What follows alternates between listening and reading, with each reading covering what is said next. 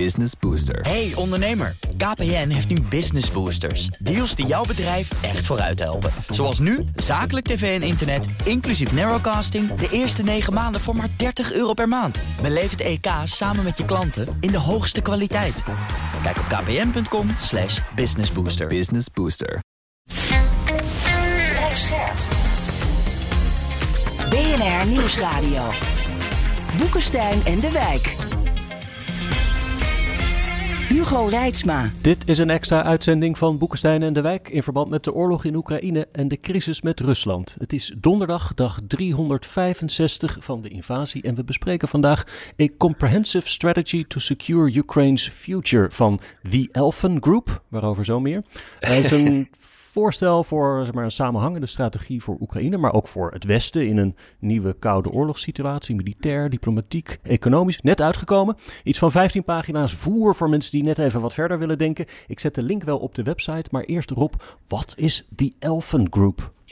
Ja, het is een groep uh, waarin ik zit uh, en die ontstaan is met het, uh, eigenlijk de onvrede over de debatten zoals die gevoerd worden.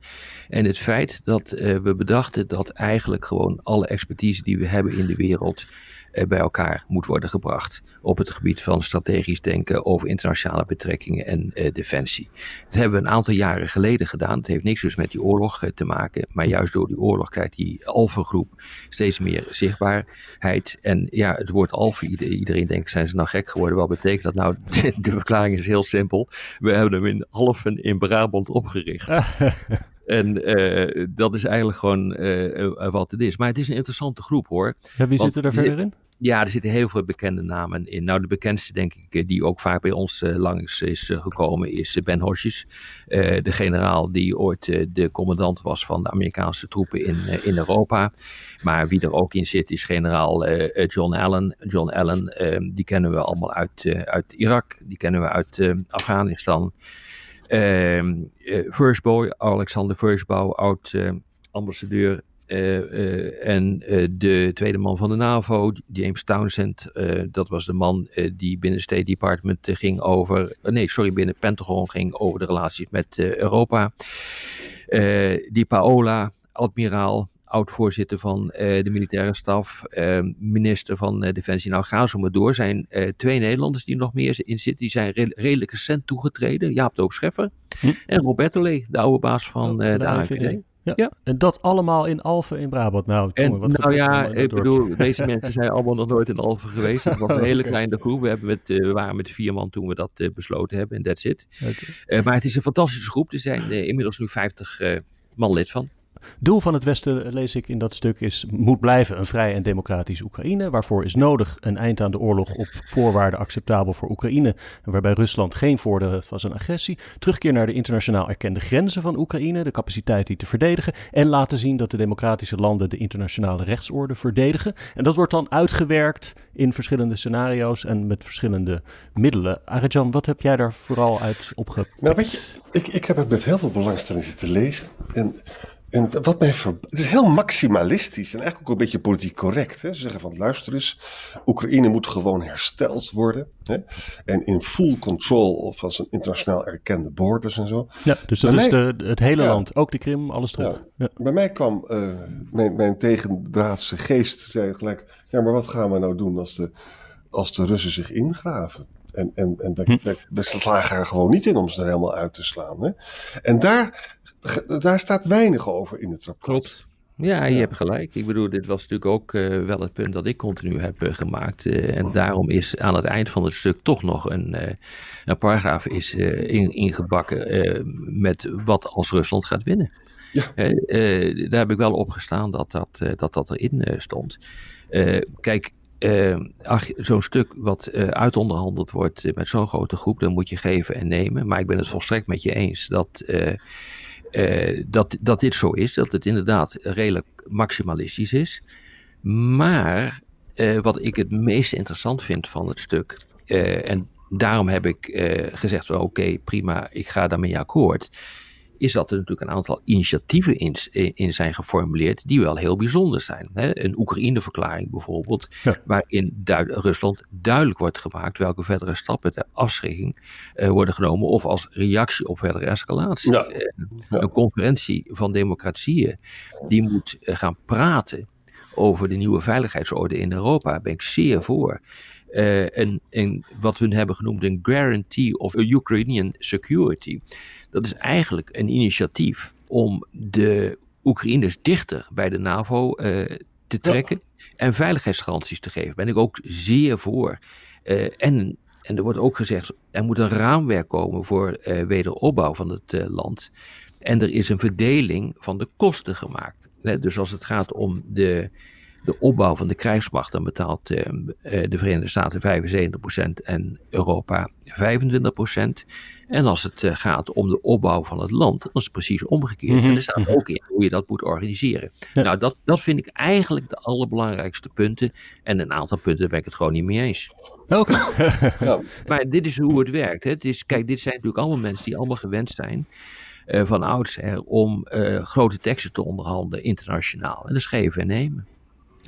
In die verklaring van de bondgenoten van Oekraïne moeten de, moet het Westen dan uh, vredesoverleg eisen hè, van Rusland. Zo niet, dan komen er zwaardere wapens. Maar er worden ook ja. andere zwaarden boven hun hoofd gehangen, zoals volledige verwijdering van Rusland uit SWIFT. Er wordt gesproken ja. voor het confisceren van bevroren tegoeden. Ook dat er geen immuniteit voor personen kan zijn bij de vervolging van oorlogsmisdaden. Dan denk ja. ik dus aan Poetin. Ook hier tamelijk maximalistisch, zoals je Klopt, het formuleert. het moet in een Oekraïne-verklaring uh, worden opgeschreven. Uh, want daarmee kan je dus gewoon duidelijk maken wat je wil. En dat dient ook als, als afschrikking. Daar ben ik het overigens wel mee eens.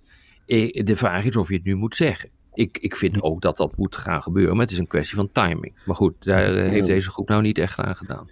nog, even, nog even die opmerking uh, die Rob ja. maakte. Die, van Amerika betaalt dus 75% van de veiligheidssteun hè, en, en de G7 25.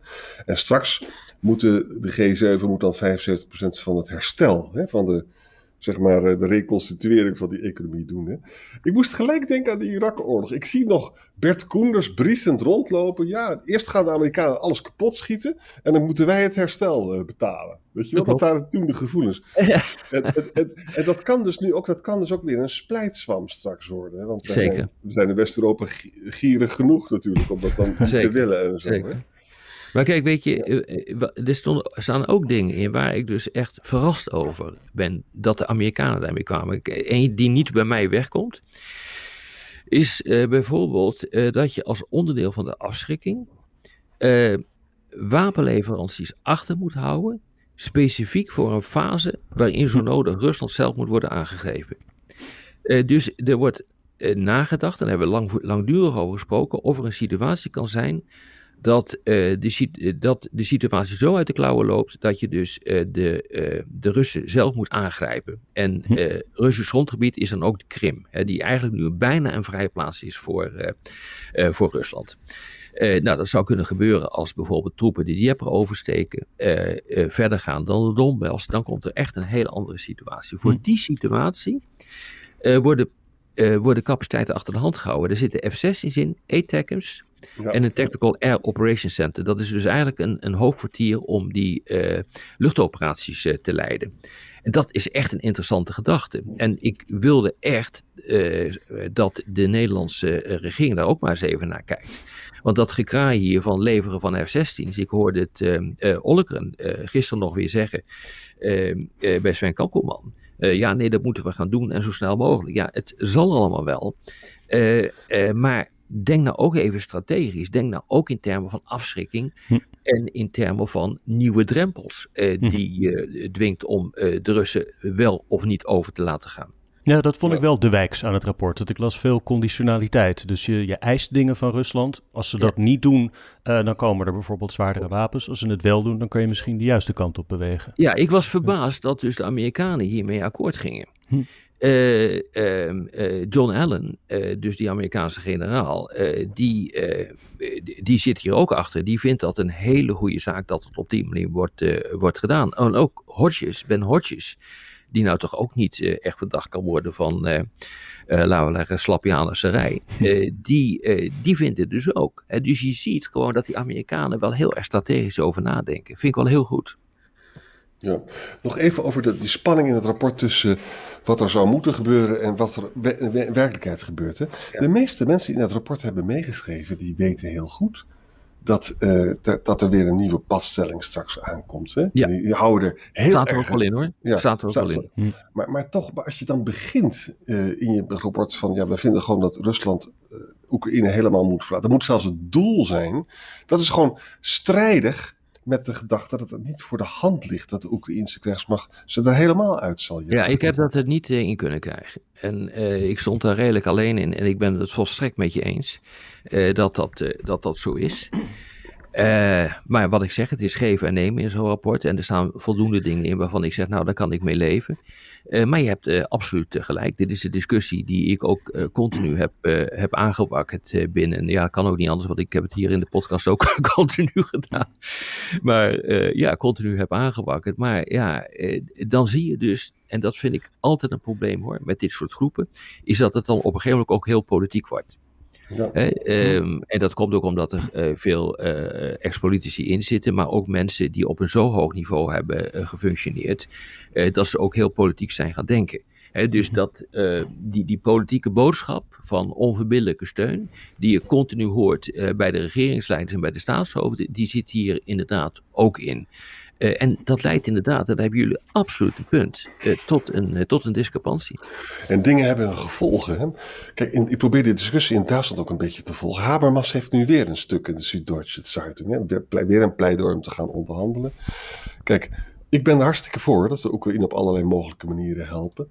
Ik wijs er alleen maar op dat als het, hoe langer het conflict duurt, hè, en hoe meer padstellingen we hebben, hoe meer mensen in Duitsland zullen gaan zeggen van ja, wij zijn straks honderdduizend doden verder, moeten gaan praten. Dus dit soort rapporten, dit soort maximalistische rapporten, gaan ook een beetje voorbij aan die levensgevaarlijke politieke discussie in Duitsland, als je begrijpt wat ik bedoel. Mm -hmm. ja? Zeker. Ja. Nog los van dat maximalistische. Ik probeer nou net eventjes terug te vinden in de tekst. Dat, dat lukt me zo snel niet. Maar er staat dus ook van... Uh, je hebt eigenlijk wortels en stokken nodig om Rusland de goede Zeker. kant op te dwingen. Maar ik zie eigenlijk alleen maar stokken. Ja, En dat vind wat, ik ook. Waar zijn de wortels? Nou, dat wordt, wel in, dat wordt wel ergens uh, gezegd. Uh, daar zeggen we dat het afbouwen van de sancties uh, gebonden is aan de acties van Rusland. die ze nemen in de Ja. richting van een vredesakkoord. Dus dat staat er wel in. Dat is ook eigenlijk wel wat wij ook wel besproken hebben. In het Rand Report stond het ook, weet je nog? Ja, eh, dus dat, dat klopt wel. Eh, Het is wel een punt van mij te dus dat zal jullie ook niet echt verbazen. Het ging er heet aan toe in Alphen. Ja, dat valt wel mee. Het zijn natuurlijk allemaal eh, eh, keurige dames en heren eh, die wel weten waar ze over praten. Maar eh, ja, het, ik denk dat eh eh, Arend Jan ook eh, precies wel het, het punt eh, of de vinger op het, het belangrijkste punt heeft eh, gelegd. Namelijk, het, het wordt ook wel politiek eh, op een gegeven ogenblik. En eh, ja, nou ja, jullie weten ook daarover denk. daar hou ik niet zo van. Maar nogmaals, er staat voldoende in waar ik het volledig mee eens ben. En met name zeg maar het rijtje wat ik heb genoemd van wat je nu eigenlijk moet gaan doen, ook op langere termijn. Dit, dit, dit biedt wel een perspectief eh, op langere termijn. En echt heel erg belangrijk is dat we nu al gaan nadenken over hoe wij die veiligheidsorde in Europa willen gaan inrichten. Hè, wat, gaan we nou, wat gaan we nou doen? En hoe gaan we eh, de wederopbouw van het land eh, financieren, zowel militair als qua infrastructuur? Hoe doen we dat en wie gaat dat betalen? Eh, dat zul je nu echt moeten gaan doen. Anders gaat China dat doen, eh, las ik in je rapport. Is een risico. Dat, dat die Ja. Oekraïne wel gaan helpen. Ja. Jazeker, jazeker, jazeker. Want er zijn mensen die zeggen dan, die laten het eh, jaartal 2030 dan vallen hè, voor het NAVO-lidmaatschap van de Oekraïne. Om allemaal begrijpelijke politieke redenen.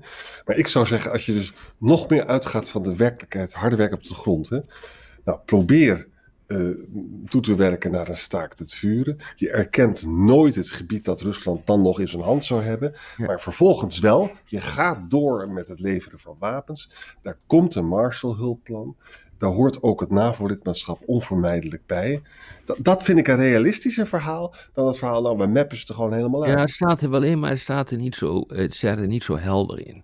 Ja. Ja, en dat heeft toch, nou ja, ik heb het uitgelegd hoe dat, hoe dat komt. En ik ben het daarmee eens. Ja. En mogelijke tegemoetkomingen zag ik nog genoemd. Uh, taalrechten voor Russische sprekers in Oekraïne te, te garanderen. Ja. En eventuele ja. Russische lease opnieuw van de marinehaven in Sebastopol op de Krim. Zeker. Dat zouden nog concessies kunnen zijn. Ja. Maar dan moeten ze voor de rest wel opzouten. Nou, ja. helder. Uitnodiging aan mensen om het uh, te gaan lezen. En uh, voor jullie weer dank. Ja, want het is wel aardig hoor, moet ik zeggen. Het uh, biedt wel een perspectief voor de iets langere termijn. Ja, zeker. zeker. Oké okay, jongens, tot uh, morgen. Tot morgen. Ja, tot morgen. Business Booster. Hey ondernemer, KPN heeft nu Business Boosters. Deals die jouw bedrijf echt vooruit helpen. Zoals nu, zakelijk tv en internet, inclusief narrowcasting... de eerste 9 maanden voor maar 30 euro per maand. Beleef het EK samen met je klanten in de hoogste kwaliteit. Kijk op kpn.com slash businessbooster. Business Booster.